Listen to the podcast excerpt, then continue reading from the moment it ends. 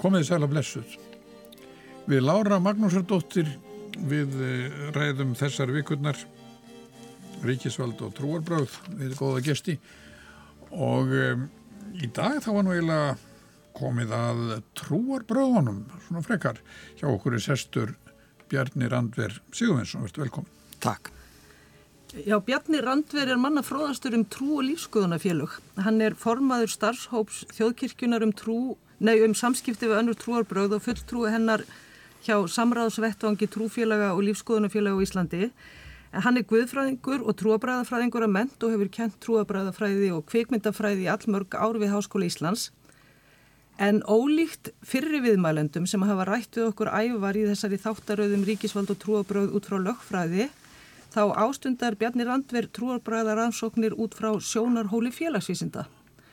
Og það er kannski eðlilegast að ég hef ég bara þetta á því að byggja þig um að skýra í stuttum máli hvað enginnir félagsvísindilega sín á trúabröð. Uh, já, svo uh, fræðigræn sem ég mest mótar af í þessum efnum kallast uh, trúabræða félagsfræði, stundum kallir trúalís félagsfræði á íslensku Sociology of Religion. Megin atriðið í, í trúabræða félagsfræðinni er að trúabræð eru félagsleg. Þau eru verða til í mannlegu samhengi og það er aðeins sagt að rannsaka þau út frá um, slíkum fórsendum og uh, jáfnframt gengi út frá því að trúabröð geti verið og toga, það geti haft uh, mismunandi félagslega fóngerðir og trúabröð geta breyst og þróast í uh, aldana rás. Og það er mikilvægt að hafa það í huga að Um, að, að, aðferðafræði trúabræða félagsfræðina snýst ekki um sannlegs gildi einstakra trúabræða eða, eða trúar hugmynda heldur snýst að fyrst og fremst um það að öðlast skilning á því hvernig við komum til trúabræð virka í, í umrætu samfélagi hvaða hlutverki þau gegnaðar og hvernig þau tengja einstaklingar saman í, í rauninni siðrænt samfélag. Og þetta er, það er gaglegt að heyra þetta svolítið vel að, að því að hérna við höfum verið að tala um trúabröð út frá lögfræði hinga til. Og mér finnst þetta líka varpa mögulega ljósi á þessa ákveðnu mótsökk sem hefur verið að tala um að ríkinu ber skilda til þess að setja einhverju lögjöf um trúabröðin má samt ekki vera trúlegs eðlis,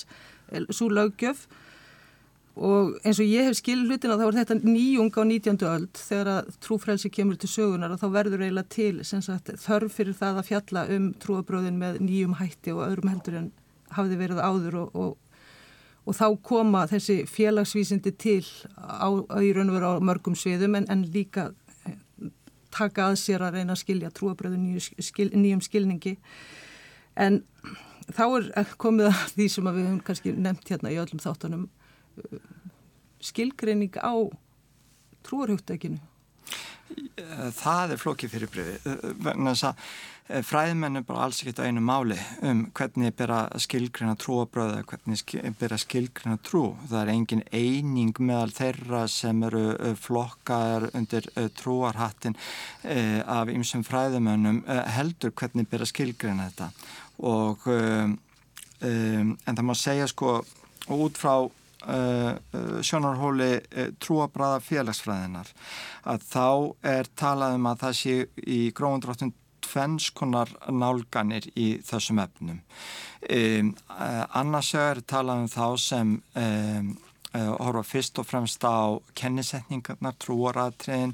og uh, skilgrina trúabröð uh, út frá því. Þetta er kallað ímist innihalsskilgrinningar eða intaksskilgrinningar á, á íslensku og það má segja að innan fræðan að, að, að þetta sé hinn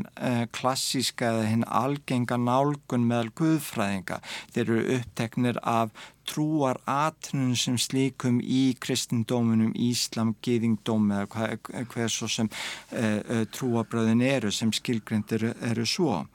Uh, Hinn nálgunin kallast í mist hlutverkaskilgreiningar eða virkniskilgreiningar á, á íslensku og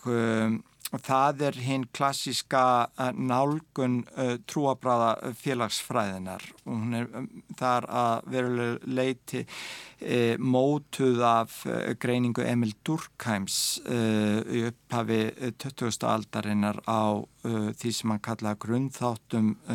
trúabráða sem hann rakti til frumbyggja trúabráða og þá ekki síst tótemtrúar uh, ástrálskra uh, frumbyggja. En megin nálgunin í, í uh, hlutverka skilgreiningum á trúabröðum er að horfa ekki á eða ekki svo mikið á trúar atriðin sem slík, uh, þessi hugmyndafræðilega atriði heldur fyrst og fremst á það hvernig trúabröðin sem sagt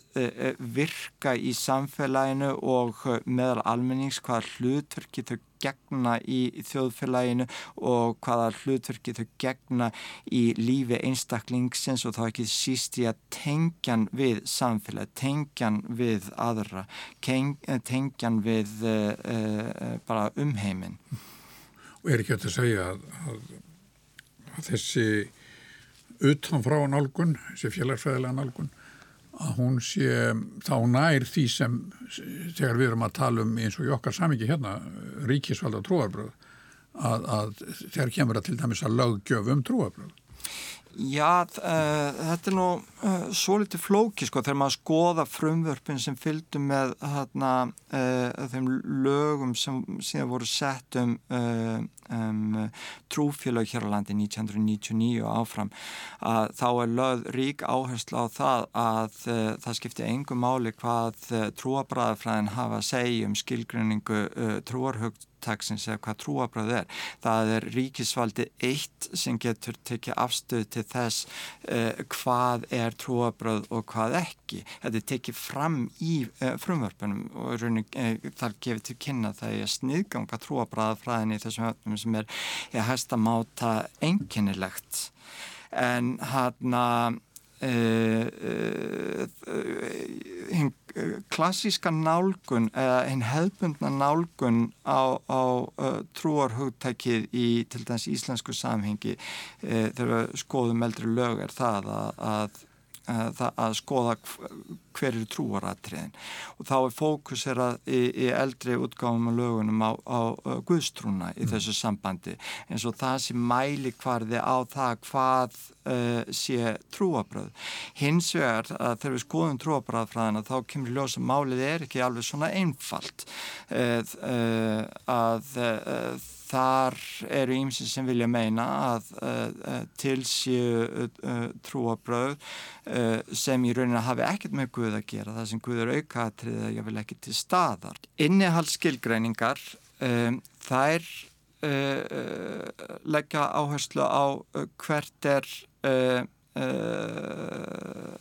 trúar atrið sem slikt menna hlutverkaskilgrinningar eru uppteknar að því hvert uh, uh, hlutverkið er. Og íslensk lög hafa framan að vera upptekin að því hvert hver, hver trúaratrin er í þessu sambandi. Ekki svo mikið hva, hvert hlutverkið er. Við horfum til hlutverka skilgreininga að þá um, Uh, skiptir trúaratriðin uh, trúar í rauninni ekki svo miklu máli. Þar eins og Durkheim setur þetta fram þá snýst þetta frekar um, um hana, aðgreiningu hins heilaga og sem bannhelgi kvílir á og, og hinnu verallega þannig að aða, grunnþátturinn í, í trúabröðum að hans mati er Um, uh, í rauninni það sem uh, samfélagi og hópurinn uh, ættbálkurinn saminast um sem tákt fyrir grunn gildi síns siðræna samfélags og uh, þau eru sem sagt táknað með tótemi sem uh, stendur fyrir bæði uh, hópin og, og, og, og sjálf grungildin og þess vegna ef ráðist er gegn þessum grungildum ef táknið sem stendur fyrir það er snert að dreyið í efa reynda kollvarpaði einhvað svoleiðis að þá getur það leitt til siðrófs og þess vegna skiptir svo miklu máli fyrir samfélagi að, að, að, að standa uh, vörðum það. Og Guðstrú getur verið bara ein hugsanlega byrtingamind þessa tótens, það getur verið eitthvað ímislegt allt annað. Þannig að þú, þú segir það skiptir máli fyrir, fyrir ríkisvaldi þegar það er að búa til umgjörð fyrir trúar, trúar yfkun í þjóðfélaginu að það taki til, til þessara kenninga frekar heldur en aðra annar á yfirfæri það þá yfir á þjóðfélagið. Og það, væri það þá að þú sagði því þætti sko undarlegt að það hefði ekki verið gert hvaða kröfu á þessi tiltekna fræðigrein á því að það sé frekar miða við hana heldur en aðra? Er það bara vegna þess að þetta er viðtikinn fræðigrein viða um heim núna um akkurat þessi efnu og kannski ekki önnur sem keppa við hana eða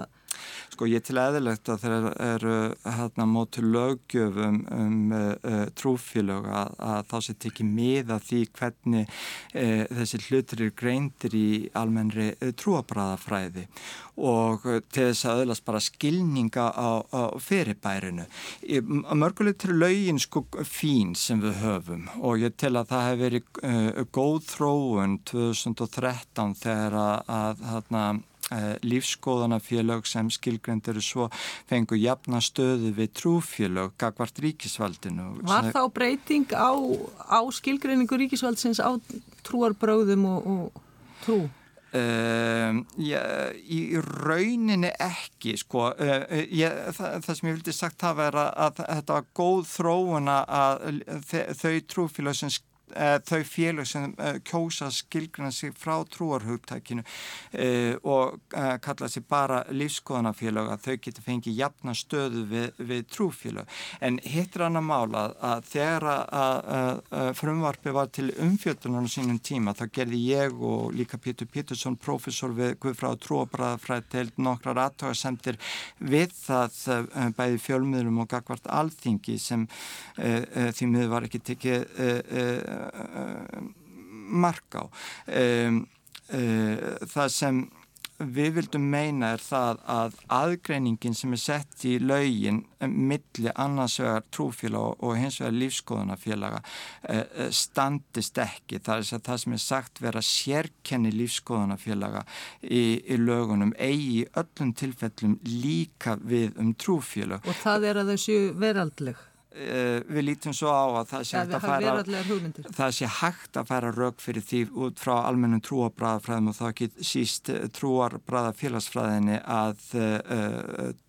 trúfélög sé upp til hópa í rauninni veralleg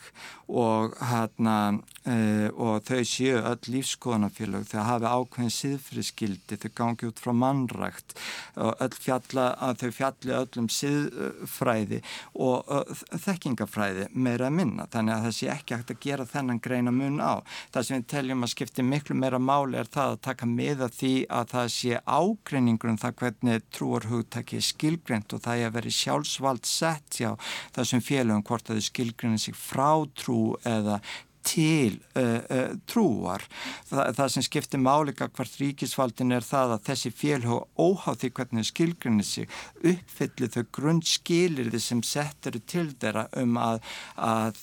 að, að fá, fá þessa stöðu skráningar og njóta þeirra réttinda og, og uppfylla þær skildur sem því fylgir. Væri þetta þá kannski gert með því að búa til eh, eh, nýtt hugtak sem að hvort fækja fjalli undir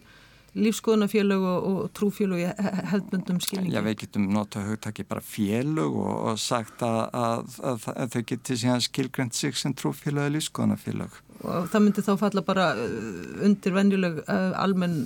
almenna lögju um félög. Þá er þið þá engin sérstök uh, lögjöf um félög sem snýrust um hugmyndir eða andlega hluti? Já, uh, uh, við höfum ekkert að móti því að væri talað um trúfélag og lífskoðunafélag, það væri sérstaklega laga bálkur um það og í tengslum við sagt, starfsemi þessara félaga. Það eina sem þurft að taka mið af er að, að, að þeim sé sjálfsvægt sett hvort þau skilgrinni sig sem trúfíla og lífskonafíla. Hvað aðra hugmyndir kom, voru, semst, við hvað voru þið þá að, við hvern voruð að tala, hvað, eða ekki endilega hvern heldur, semst, hvaða hugmyndir voru í gangi á móti þessum Sko, eh, megin eh, tilgangur með frumvarpinu sínum tíma var að bæta stöðu eh, þeirra félaga sem kjósa að skilgruna sig frá trúarhugtækinu en eru með aðtapnir sem eru sambælegar hjá trúfélaga. Að sumuleiti var þessi lögjöf orðuð þannig að hún snýrist bara um að koma siðmend að inn í þessa, þetta kerfi var það ekki? Yeah, Hún líst í raun og veru síðmynd. Síðmyndir er náttúrulega drivkrafturinn í þessum efnum en séðar hafa fengið skráningu uh, uh, félög sem hana, uh, hafa samfélag stuð og síðmynd hvað þetta var það til þess tíu mat sem er hana, núna skráð lífskoðanafélag. Diamat. Marxistar. Já, dialektiskur materialism. Diamat, já. já. En býtun er ekki, ef ég skilir rétt, Bjarni, er þá ekki að sleppa bara sko einfallega þessu trúar trúfélaginu vegna þess að er ekki öll trúfélag lífskoðanafélag en mm -hmm. ekki öfugt og er ekki, er ekki lífskoðanafélag miklu almennara heiti og, og er ekki bara nóg að hafa það? Það væri alveg hægt að stilla því þannig upp sko uh, ég held að þessi félag sé sammálum það þau séu lífskoðanafélag en kannski ljósið þess hvaða vægi trúin hefur haft í íslensku samfélagi gegnum uh, hérna aldurna mm. held ég að sé fulla ástæða til þess samt enga síður og taka tillit til þess að þarna er fjölu sem skilgruna sig sem trúfjölu og það líka sé lagabalku fyrir þjóðkirkina sem slíka sem mm. hérna sömulegis er af trúalögum toga. Það kemur daldið óvart að þú skulir segja að, að, að flest fjölugun myndi skilgruna sig sem lífskoðunarfjölug Þetta er frekar nýtt högtak, sennilega yngra heldur en flest trúfjölögin. Já. Kanski væri gaman að vita hvaðan það kemur? Uh, sko, uh, lífskoðanar uh, hugtækið er að stóru leiti og kannski veru leiti sprottið uh, úr síðrænum humanisma sem er svo hugmyndafræði sem síðment. Life stance á ennsku. Já, ég held að, að, að þeir séu í rauninni brautriðjöndu fyrir því að taka upp þessa skilgrinningu en ég get ekki ímynda mér að neitt félag eh, sem skilgrinningu sem trúfélag hér á landi geti andmælt því að það sé um leiði lífskoðanafélag í, í, í sjálfu sér þó að áherslan sé á það sem það líti á sem trú. En sko ég sagði á þann að, um, það væri innan uh, fræðana um, í gróðundráttun tvennskonan álganir, innhalskilgreiningar, hlutverkaskilgreiningar sem síðan aftur geta verið misvíðar og uh, þraungar. En síðan má alveg finna í rauninni e, fræðimenn sem e, haldaði fram að, að þeirra betur sé að gáð þá með í stóla að draga því ef að nokkuð trúabröð séu til og um, trúabröð sé í rauninni bara síðari, te, uh, síðari tíma uh, skilgreining sem uh, kemur fram fyrst og fremst til þess að að öðla skilning á aðri flórunni og til þess að, að uh, að marka einhverju, einhverjum einum trúabröðum sérstöðu umfram öðrum uh, uh, og að því leiti til þá getur þetta í rauninni verið valdatæki. Málið er nefnilega að engin trúabröð sem eru kölluð svo í dag, heimstrúabröðin, engin af þeim skilgreindu sig lengst af sem trúabröð, ekki bútismi, ekki hinduismi. E, e, það eru vesturlandabúar sérstak, e, fyrst og næst á 19. öldinni sem taka að skilgreina sagt, e, e, hinduisma, bútisma,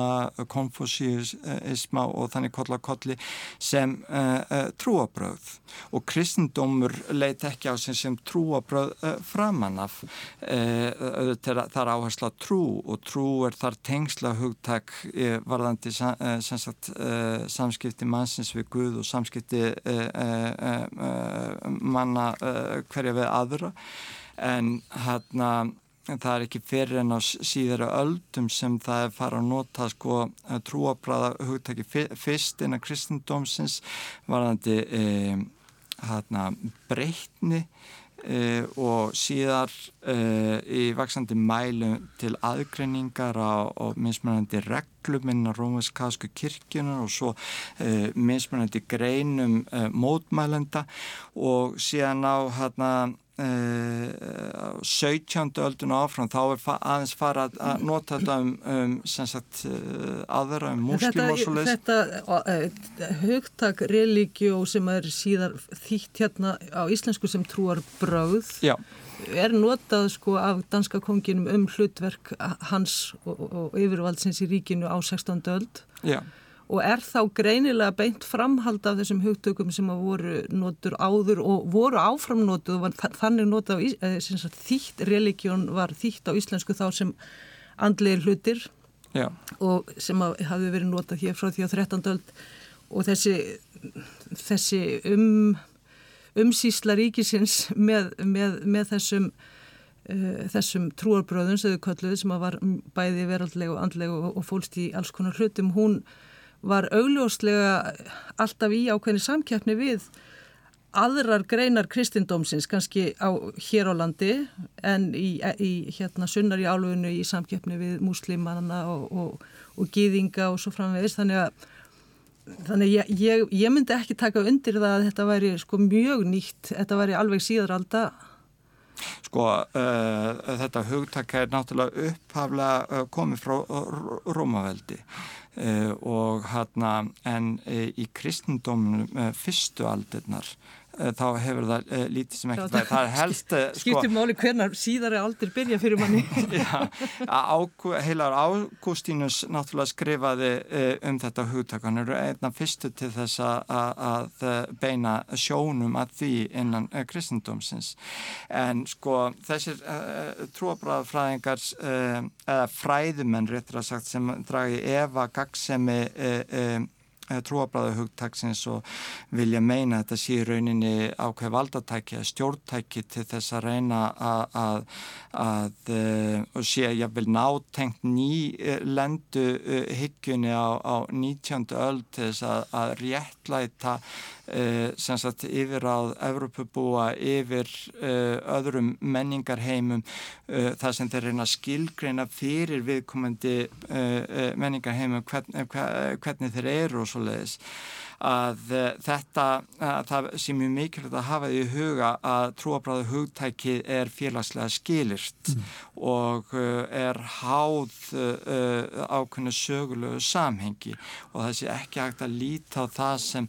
algilt og það geti verið einsir annmarkar á því meðal annars uh, það að það er einhver sammálum það hvað nákvæmlega trúabræð er mm. en í dag er ekki allir sammálum það hvort að buddhismi eða ímsa greinar hinduismi eða hinduismin held sé uh, uh, trúabröð og það er ímsi sem uh, til dæs einan kristendómsin sem hérna líta trúabröða hugtæki hortnögu og vilja aðgreina mellir kristendóms og trúabröða mm, Þá er, er sko trúar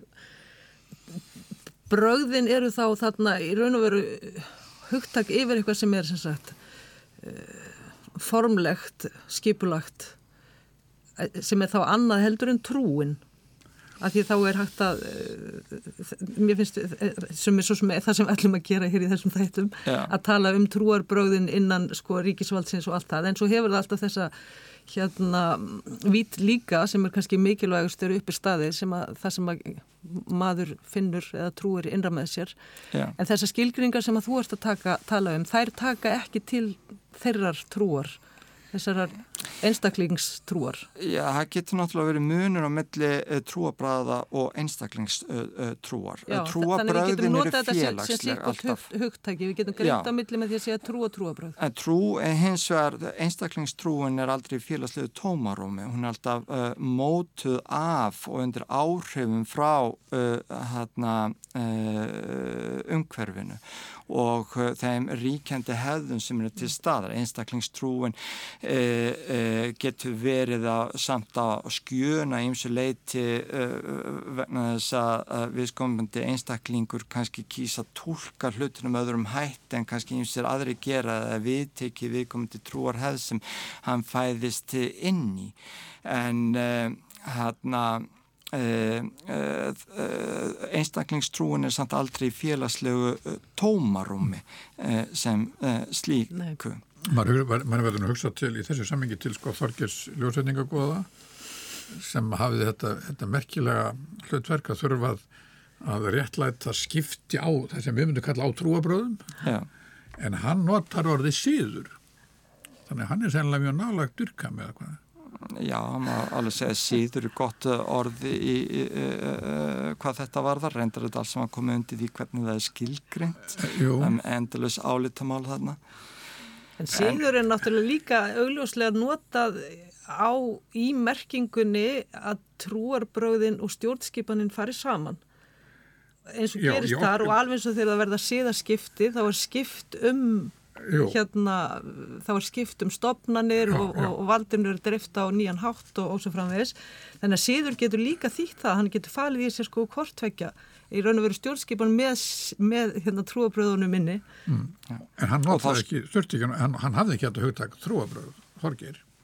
Nei. Nei, og þetta var lagabreiting sem hann talaði fyrir. Já, nákvæmlega. Já. Já, já, en þetta var nú, ég ekki að, ég er bara mitt eftir þetta hug með, með Þorgeir sko, að, að þegar við erum að, að kannski er þetta orð, síður, þetta hugtak er kannski sko hjálplegt í því þegar við erum að tala um þetta, þetta samspil einmitt við laugin og, og við ríkisvaldi sem, sem altså uh, þetta þessi aðili sem heldur utanum. Og líka þetta félagslega vegna þess að sko síðurinn er og, og þessi trúabröðin þessin eru þau svo mikilvæg vegna þess að þau hafa áhrif á það hvernig fólk hugsa hvernig það gerir hlutina, hvernig það lífið sínu daglega lífi og svo framvegist þannig að það, það eru alls konar hlutir sem er hægt að tengja við þetta orði að maður vil gera jú, það jú, jú. en hérna núna sagt, þú gast þess á þann að, að það, örðu, það kemur þarna sem er e, lífskoðunafélagin komið til á sínum tíma og nú auðvitað, hefur auðvitað gerst á Íslandi eins og annars þar að það fjölgar trúfélögum eftir því sem tími líður það eru ímislegt sem verður til þess. Fólk bara hreinlega tilengar sér hitt og þetta það kemur fólk sem flytur frá útlöndum og svo framvegis. Það er hérna lögin breytast. Það er ákveðin breyting sem verður hérna í raun og veru á möguleikunum og því að stopna trúfélag með því að, að lífskoðunafélagin komi hérna inn. Það er svolítið svona maður svona velti fyrir sér sko hvenar er Eh, hérna hvenar er félag örglega ekki til dæmis fyrst og fremst með pólitísk markmið en ekki siðræn eða, eða hvenar er félag mögulega hreinlega fyrirtæki sem er bara að selja einhverja vöru? Eh, hvenar er félag sem er stopnað utanum eitthvað af þessu sem við erum að tala um hvenar er það hættulegt? Eh, það hljóta að vera svo margar vittir á þessu Algjörlega að, ég held að það sé mikilvægt að hafa í huga að formgerðirnir eru margvíslegar á, á hana, uh, trúar reyfingum sem slíkum Það er talað um í, í tróabræða félagsfræðinum sérstaklega fjóra formgerð, kirkjustofnun sem er nátengt ríkisvaldinu, allir tilheyra uh, enni. Þetta er svona eins og þetta var fyrra á öldum meðal annars hér á landi. Síðan er hérna, kirkjudeild sem er trúfélag sem leggur meiri áherslu á, á saminlegt með öðrum. Félagslegt taumald er það lítið sem ekkert og uh, uh, sértrúarhópurinn sem er í rauninu anstaði kir uh, uh, kirkjudeldarinnar það sem félagsett taumhald er gríðarlega mikið stert kennivald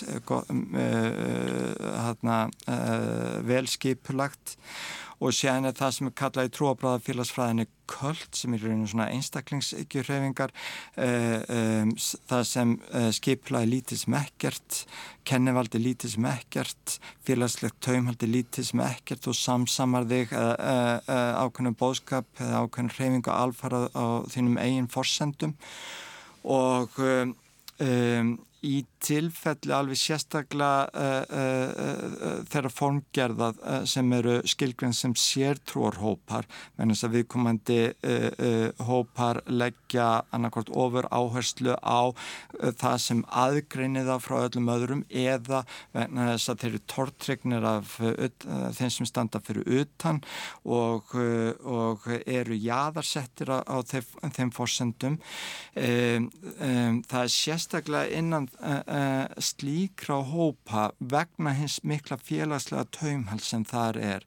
uh, það sem ásakanir geta komið fram um að það tækja á sig mynd ógs eða ofbeld ofbeldis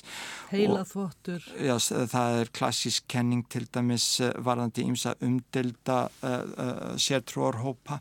að, að meðlefni sé ákveðin bara fórnalömp uh, leiðtoga sem hafi náð slíku valdi á huga þeirra þeir hættir að hugsa sjálfstætt það þessar kenningar um heila þótt að hugstjórnun hafi verið gaggrindar uh, uh, verulega innan trúabræðafélagsfræðinar það sem er litið á trúskipti fremur sem uh, langvarandi flókið uh, félagslegt ferli sem har háð ótal breytum það sem einstaklingunum fyrst og fremst uppteknað því uh, hvað uh, honum sjálfum sem fyrir bestu í því félagslega tengslanetti sem hann er í. Er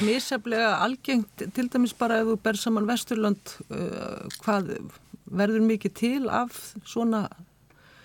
svona þröngum söfnum sem að Sko í rauninni hafa alltaf verið til staðar uh, einhvers konar uh, sértrúar hópar. Þetta er frekka spurningum það hva, hversu auðvelt þeir uh, eiga með að, að fá að starfa í viðkomandi þjóðfélögum. Í nútíma þjóðfélagi það sem hana, áherslan er á trúfrelsi og, og félagslegt taumhaldi til, til að takmarka hvað þetta varðar, að þá er miklu auðveldra fyrir ný félög að, að, að myndast og, og skilgrina sig algjörlega á, á sínum fórsendum og það er alveg uh, vissulega rétt að,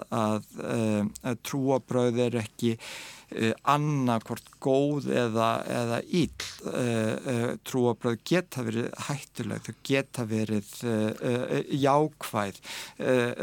Trúabröð eru að mínu mati í rauninni menningarhefðir og það er engin trúabröð algjörlega einsleit og eh, innan þessara menningar hefðar eru ótal fjölmerkar, ólíkar byrtingamindir en það er endalus álitamál hvernig hlutarnir eru, eru tólkaðir og þetta er spurningum það hvernig fólk notar eða hagsmuna mm. aðilar kjósa nota trúabröðinu þannig að það er hægt að nota þau e, í slæmum Spurningin er kannski sko geta, getur inn í trúfrelsi og líðræði geta þá eh, hérna yfirvöld gert eitthvað og eigaðu að gera eitthvað til þess að minga líkurnar á því að það verði til söpnur þar sem að fólki bara fólki er kúað, því við verum líka mun eftir því að það fæðast börnin í þessa söpnuði og eru ekki að velja þetta og svo, og svo framvegis og stundum gangaðu ekki í skóla og ímislegt en sem sagt er, já, getur þið ofnberað og á það að gera eitthvað, eitthvað getur passað upp á svona hluti sko það er tvent í þessu það er annars vegar það að uh, það er náttúrulega landslög sem allir verða að lúta og uh, hvort sem það er einstaklingar eða félagsamtök sem gerast Eh, brotlega við lögin þá þurfa náttúrulega yfirvöld að taka því og þá er það komið undir alvarleika brotana með hva, um, hvaða hætti það er gert. Nú ef við lítum á ISIS sem e, trúarhóp innan Íslam að Eh, og er uh, sannarlega sko uh, uh, fordæmdur af, af fjöl og óteljandi múslimum um allan heim. En ef við lítum á þetta sétrúar afbreyði sem hópennan Ísland þá sannarlega getur hann verið hættulegur. Og þeir sem leggja stund á mandrá på hriðjuverk að sjálfsögland er á skjön við landslög En þeir sem eru hættulegir mögulega með meðluminum sjálfum, það er nú kannski svona algengari umræða heldur en, endilega þeir sem að fara í strísrekstur? Sko, Uh, varðandi uh, félagslegt taumhald í, uh, í varðandi varðandi útskúanir eða varðandi hérna, varðandi líkamlega refsingar á til dæmis börnum eða varðandi hérna, að neyta samþykja einhverjar læknisaðgerður einhvað svoleiðis. Eh, allt þetta skiptir að sjálfsögðum máli og hérna e, og ég held að í mjög mörgum tilfellum það sem er tekist á um þessa hluti sé e, farsalast að taka upp samvinnu við viðkomandi trúfjölu og ræða við þau og reyna að finna samilan e, Hver ætti að taka það upp? Það, fræðimenn til dæmis uh, trúabræðfræðingar hafa gert það við um heim. Uh, við getum nefnsinn dæmi til dæmis að, að uh, Votar Jehova til dæmis hafa verið í samvinnu við heilbriðs yfirvöld hér í tengslum við blóðgjafir og um, það hefur gert það verkum að það hefur uh, und að leiða, uh, draga tölvert úr uh, spennu varðandi þá hluti. Þegar um slíkt er hægt þá ber náttúrulega að fara slíka leiðir en ef það er ekki hægt þá náttúrulega verður að leita til yfirvalda þegar það verður að brjóta á börnum, þegar það verður að brjóta mm. á einstaklingum, þá verður að leita til e, e, e, yfirvalda barna vendar eða lauruglunar eftir aðtökum sem síðan verður að taka á svon hlutum. Ég er búin að vera að reyna að koma að þessum hérna sem er svona önnur hlið heldur en akkurat þessi þarna praktíska hlið á um eitt réttindum barnana í þessu tilviki sem þú nefnir. En e, eins og þessi, þessi þetta sem er svo mikið til af efnum og margir þekkja þess að gaggrína á, á heila þvott og svo framvegis, þú segir að það hefur verið gaggrínt af fræðumönnum og svo framvegis. Er þá gengið út frá því mögulega að þetta sé ekki rétt, þetta sé ekki til eða... Ja, Ellen Barker sem var um professor við London School of Economics and Political Science, hún mm. gerði fræga ítala rannsókna múnistum uh, á hérna, byrjun uh, nýjönda áratögarins í uh, varandi þetta. Múnistar var sá trúarhópur sem var framar í rauninu framar öllum öðrum trúarhópum sakar um það að beita Eh, heilaþvotti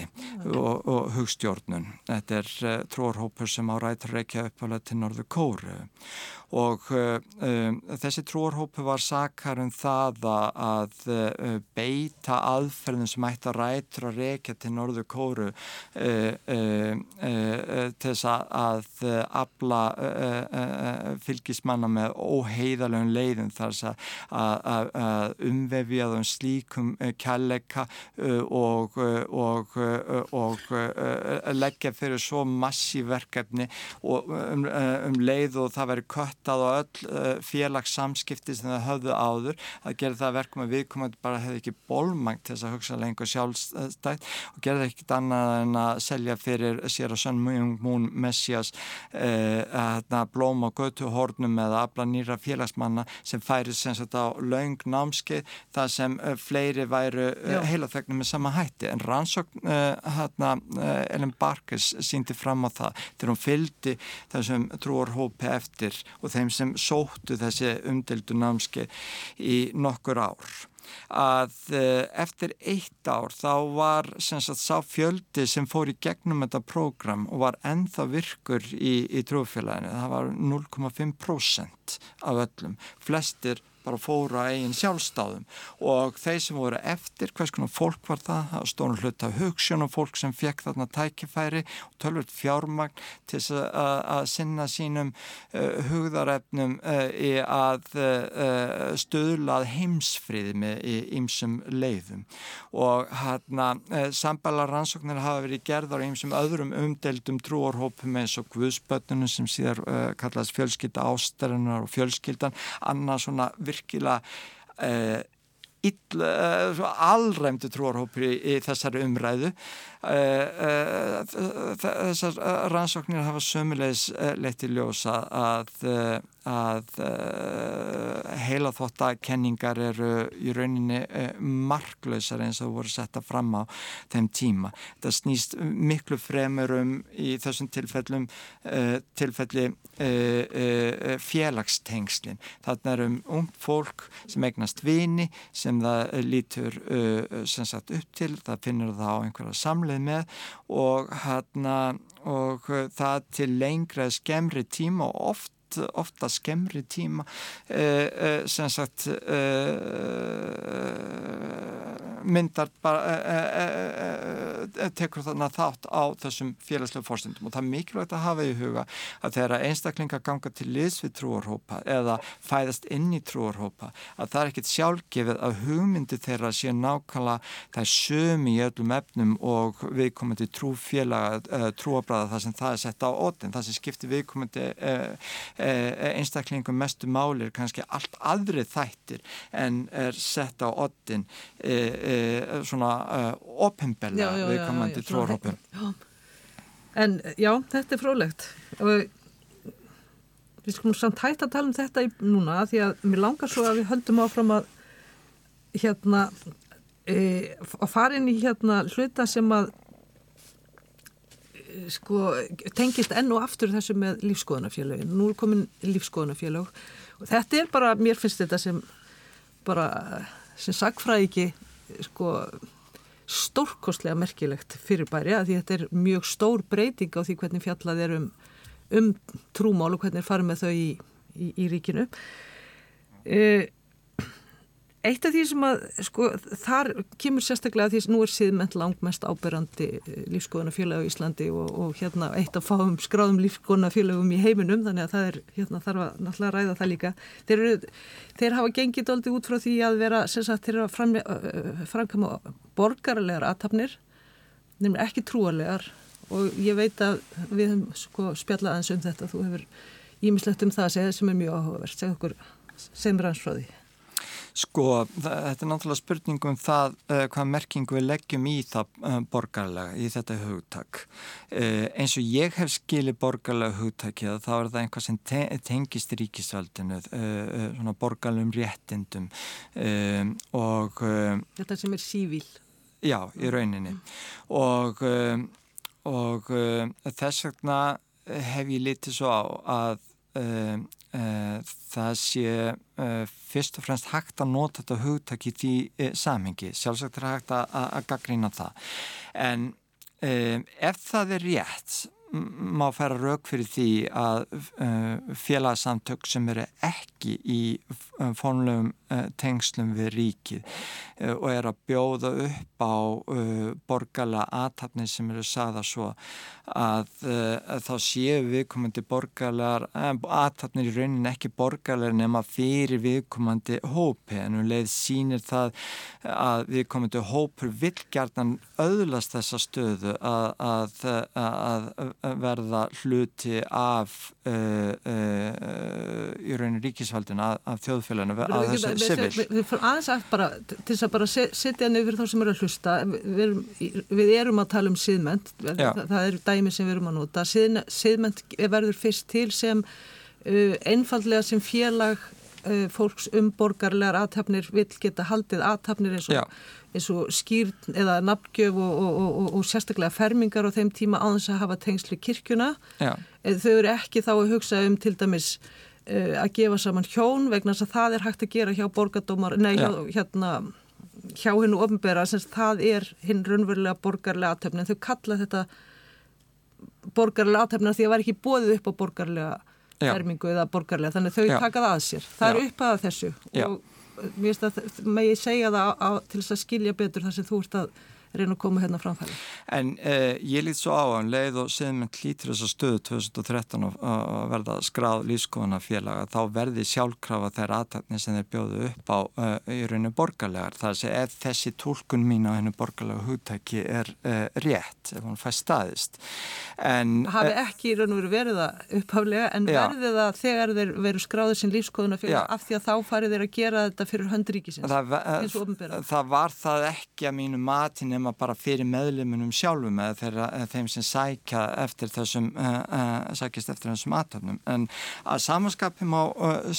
spyrja hvort að, að að aðtapnir e, e, trúfélaga sem er í formlegum tengslum við ríkið eins og þjóðkirkjan eða ásatrúafélagi, votar í EH og þannig koll á kolli að það er aðtapnir sem þar er bóðu upp á hvort að þær séu ekki e, sömulegis e, borgarlegar vegna tengslana við ríki og vegna, e, vegna þess hvernig e, stöðu það hafi í samfélaginu. Þú ert í raun að vera að snúa öllu á kvalvi í staðin fyrir að, að, að það sé gerðu greinarmunur á þessu sem er trúalegt annarsvegar og hinsvegar því sem er borgarlegt þá segjur að þetta sé allt borgarlegt þegar að það fara að gera það svona fyrir höndríkisins hjá siðment en þar með er það þar með hefur alltaf allt hittur borgarlegt líka einmitt þegar fólk er að reyna að ekki að gera það borgarlegt heldur. Já, eða sko En, en, en, þá er til dæmis skýrnverður hún þá líka borgarlega aðtöfn Uh, Þar sem að þau fara og skrá nabbassins á eftir já. Já, ég lít svo á. En sko borgarlega aðtöp getur uh, líka um leið verið trúalega eftir því hvernig uh, trúarhugtækið er, er hérna,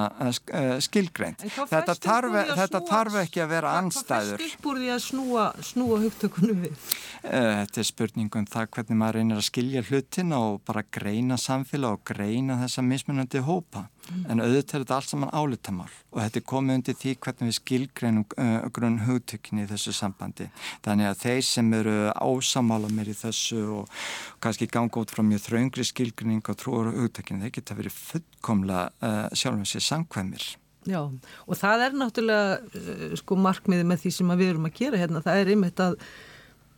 eiginlega svolítið að koma því á framfæri hvað eru margar hliðar, hvað eru margar spurningar, hvað eru margir sko það eru, það eru hérna áreistrar og átök og álitamál en, en líka Já. margt sem fyrir saman og, og í, í kjarnan snýst yfir þess að sviðum það að það þurfi að það, það má vera í, í grundvallarættur mjög ósamála á þessu sviði og í þessum Já. hlutum og, og kunstin er að láta það ganga upp að, að fólk gangi bara út frá algjörlega mismunandi hlutum Já og þess vegna mikilvægt er að skilja hverja aðra Uh, í, í þessu sambandi. Þegar, þegar fólk átt að sjá því hvernig, uh, hvernig, uh, hvernig skilur hugtökinn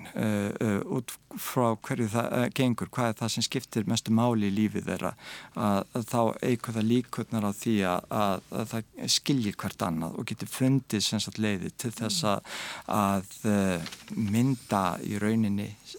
siðrent samfélag sem er í þáu allra. Já, hvernig er það gert til dæmis hjá hérna, þessum samráðsvettangi trúfélaga og lífskoðunafélaga. Þetta lítur að vera eitt af því sem er verið að tala um þar eða hvað? Uh, sko, þegar uh, samlagsvettangur uh, trúfélag og lífskonumfélag var stopnar þá var það langt undirbúningsferli sem þurfti að ganga í gegnum fyrst. Eitt og hálft ár vorum við að ræða þetta fram og aftur og nýðustan var í raunin þessi að við verðum sammálum það að við verðum sjálfkrafa ósamála um hvað sem er og aðalatrið þarna er fyrst og fremst að hlusta hverju aðra byggja brýr, mynda vinatengst uh, og til þess að tryggja að samskiptin uh, verði sem jákvæðust og, hana, og uh, þegar vandamál komið upp þá getum við rættus saman og reynda að finna lausnir í þá aðra. Og lagalega og með þessum lögum þá er, þá er þessi vettvangur, þá er þetta hægt að gera þetta. Að án þess að, að rekast á eða, eða að, að einna aðili hafi miklu meiri réttind en annar. Já, já. Já,